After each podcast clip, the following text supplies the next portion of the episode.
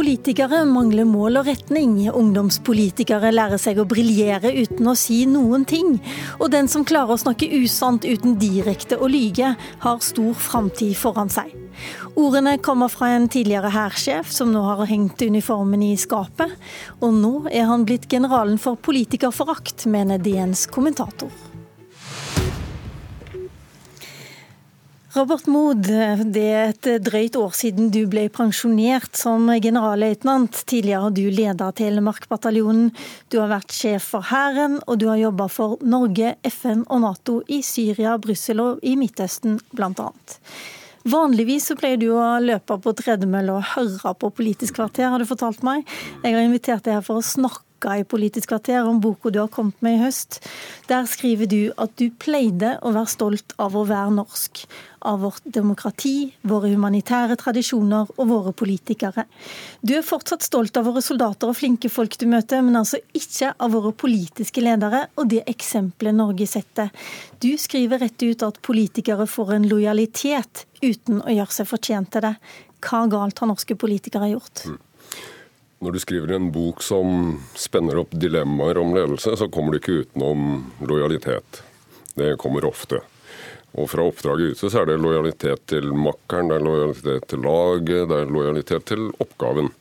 I denne sammenhengen så handler det om at lojaliteten, slik som jeg har opplevd det på det jeg hadde som fag tidligere, i for stor grad går bare nedenfra og opp i betydningen at vi ser en, eh, en retorikk om at alt er bra, og vi har et veldig sterkt eh, forsvar.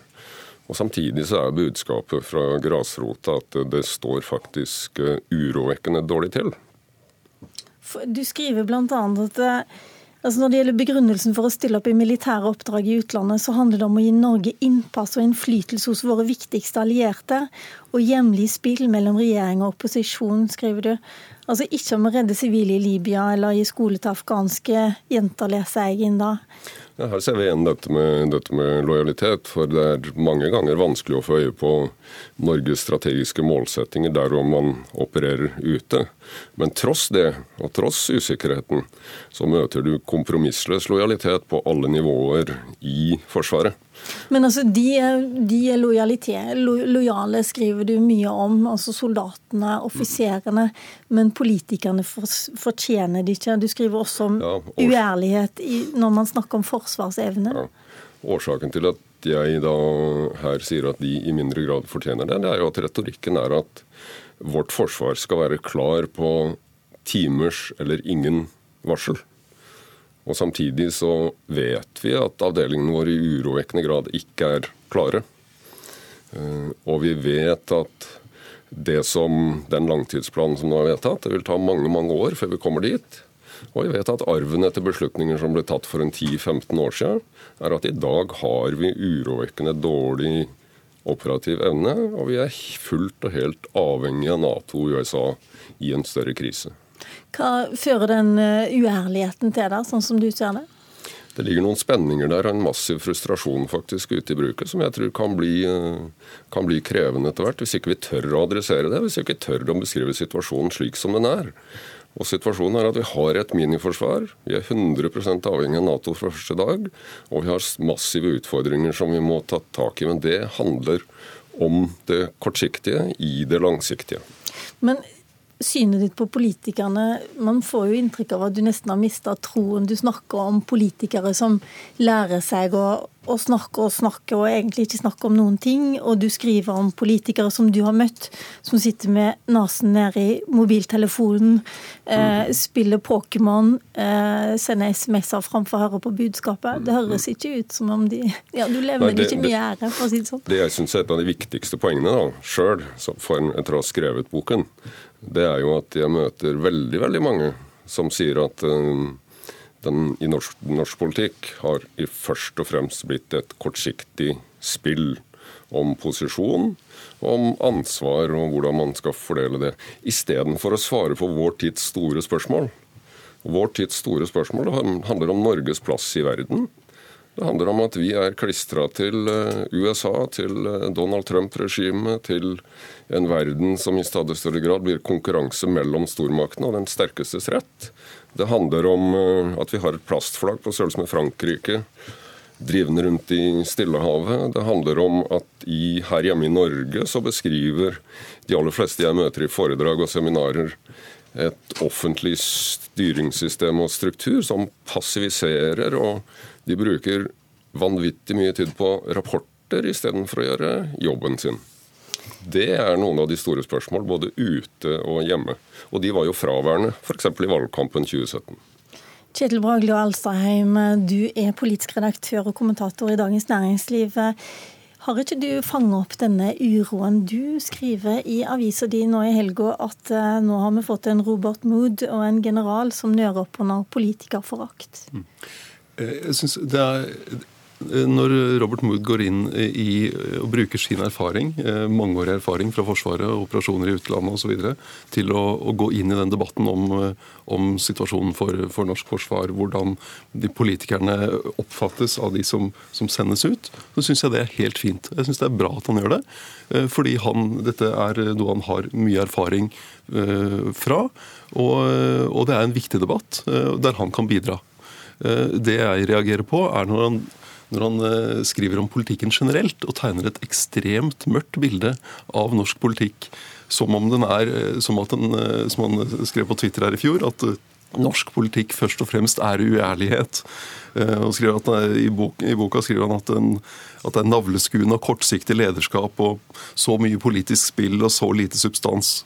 Og det særlig, Men altså, Nå skriver jo du om dette politiske spillet hver eneste uke i avisa di. Eh, ja, men, men det, er, det, er, noe med hvordan han beskriver eh, politikere som rene opportunister. At de bare eh, nærmest konspirerer på bakrommet. At det meste er en form for for, for lureri. At, man, eh, at det ikke er noe eh, langsiktig, eh, langsiktig mål eller ønsker politikerne har for landet. Det mest alvorlige syns jeg er hvordan han beskriver ungdomspolitikere som at de bare prøver å, å snakke sine partiledere etter, etter munnen, og at Eh, og at hvis du, eh, hvis du, kan oppsnå oppmerksomhet for partiet ved å snakke usant uten å lyve, har du en stor fremtid som politiker, som han skriver om ungdoms, eh, ungdomspolitikere. Og det, det, mener jeg er en ekstremt nedlatende måte å omtale ungdom som engasjerer seg frivillig i demokratiet for saker de brenner for. Ok, Mod, er du nedlatende? Ja, Det får noen andre bedømme, men jeg har fått uh, ganske mange tilbakemeldinger fra også ungdommer som har lest boken, om at uh, de, oppfatt, de leser ikke slik. Um, jeg, Det er jo overraskende motsatt vei når man leser uh, kommentaren til Alstadheim på lørdag, var det vel. At det skulle være noen som helst slags kontrovers rundt at veltalenhet og dyktighet i spillet bringer deg langt i, i politikken. Uh, og så er det jo han som bruker ord som uh, sleip og, og, og disse ordene her. Det er, det er, ikke de ordene jeg har brukt. Og til det med ungdommen, så er, så er jo det riktig sitert. Men det jeg gjør i boka, er jo å si at Norge har verdens beste utgangspunkt bl.a. pga. ungdommen. Og så etterlyser jeg et ungdomsopprør som i større grad rister eh, moderpartiene og min generasjon litt i nakken og sier nå, nå forventer vi faktisk at dere tar tak i disse utfordringene og viser oss veien videre. Du mener at de ikke skal snakke som Støre, Solberg, Stoltenberg, eh, Jensen? For meg må de snakke akkurat som de vil, men de bør jo være konstruktiv, kritisk og utfordrende og gjøre litt opprør, syns jeg. Fordi at de er flinke, fordi at de eier fremtiden. Fordi at det er de som setter barn til verden nå, og de barna skal da leve i en verden med resultatet av de store problemene, hvorvidt de er løst eller ikke løst. Dette er, dette er jo noe, noe, av det, det pussige i, i, boka til Mod, at han skriver at han har veldig stor tro på ungdommen, men ungdom som faktisk engasjerer seg, har han tydeligvis veldig liten tro på. Og det er, veldig, det er ganske spesielt når det kommer fra presidenten i Norges Røde Kors, som er en av Norges eh, viktigste og største organisasjoner, frivillige organisasjoner, som har det, det synet på de ungdommene som da faktisk bruker sin fritid på, på å jobbe og bidra i demokratiet. Eh, jeg har også tatt med, invitert deg med i studio, Hårek Elvenes. Du er forsvarspolitisk talsmann fra Høyre og, og eh, sitter altså på Stortinget. Føler du deg truffet av denne kritikken fra Robert Mood? Jeg må ærlig talt si at jeg har problemer med å kjenne meg igjen i mye av denne kritikken, fordi at det blir så overfladisk, det blir så generelt. Eh, det Mots bok er neppe et bidrag til en eh, mer nyansert forsvarsdebatt. Og dette med tillit. Tillit er noe politikerne får hvert fjerde år i valg. Det er velgerne som gir politikerne tillit. Tillit er ikke noe som det militære systemet og soldater gir eh, politikere.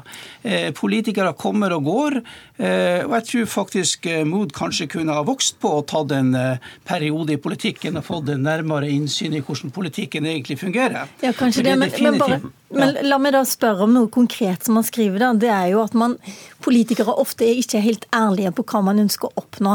Man sender, sender soldater til utlandet, og man snakker fint om solidaritet. og uh, ja, Det ble afghanske jenter som skulle få skolegang, og det var å, redde sivilbefolkningen.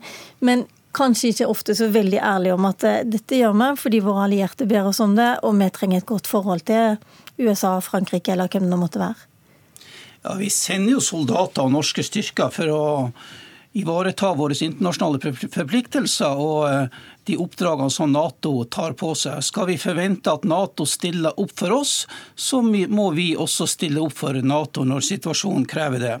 Men jeg skal gi Mod rett på at situasjonen i Afghanistan etter hvert har utvikla seg til å bli en uoversiktlig situasjon, og vi har blitt lenger der enn vi først antok. Men det er ikke dermed sagt at det er ingen grunn til å fortsatt være i Afghanistan. Men kan du også innrømme at eh, man kanskje ikke alltid er like klare på hvilke mål man har, og f.eks. når er oppdraget utført? Jeg tror man er så klar som man kan være på bakgrunn av den informasjonen og den situasjonen man står i der og da.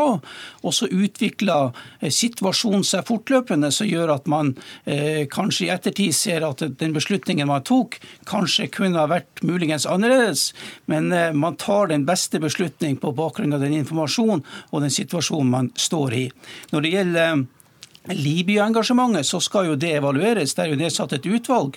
og Der skal legges fram en rapport for offentligheten der man skal ettergå beslutningsprosessen og beslutningsgrunnlaget for, for den deltakelsen. Men så må jeg si at eh, ja, eh, Forsvaret har forvitra over mange år, men jeg syns også Mod i ærlighetens navn burde gi en anerkjennelse til politikerne som faktisk nå gjør noe med dette. Det er et bredt flertall på Stortinget nå for å legge 180 milliarder kroner mer på bordet til Forsvaret for å få Forsvaret opp og sette Forsvaret i stand. Og Vi har aldri vært i stand til å forsvare vårt land alene. Vi har et forsvar som er avhengig av alliert støtte.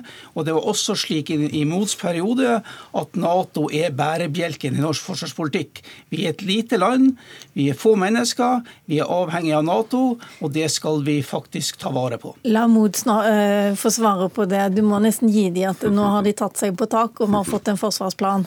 Jo da, det, det er lett å se det.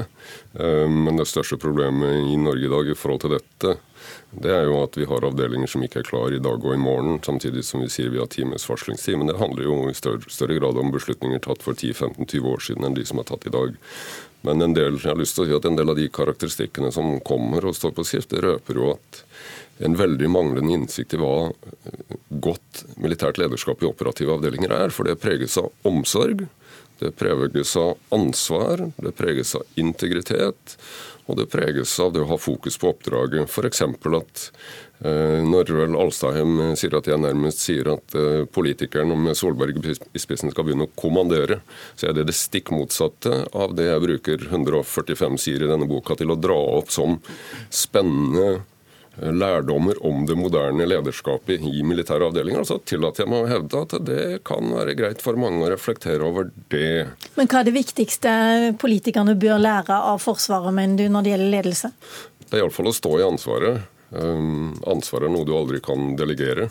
Um, så når vi ser at man uh, spiller og debatterer for å flytte dette ansvaret rundt, så, så syns jeg de um, absolutt skulle ta den utfordringen og leve i ansvaret for våre fremtidige generasjoner og finne svar på de store spørsmål. Skal du bli politiker sjøl, som det ble foreslått her? Jeg har ikke hatt lyst så langt, så får vi se om lysten stiger nå. Foreløpig er du i hvert fall valgt til president i Norges Røde Kors, så får vi følge med på det først. Hjertelig takk Robert Mood, Kjetil Bragli Alstaheim og Hårek Elvenes for at dere kom. Takk. Mitt navn er Lilla Sølhusvik, og Politisk kvarter er selvfølgelig tilbake igjen i morgen.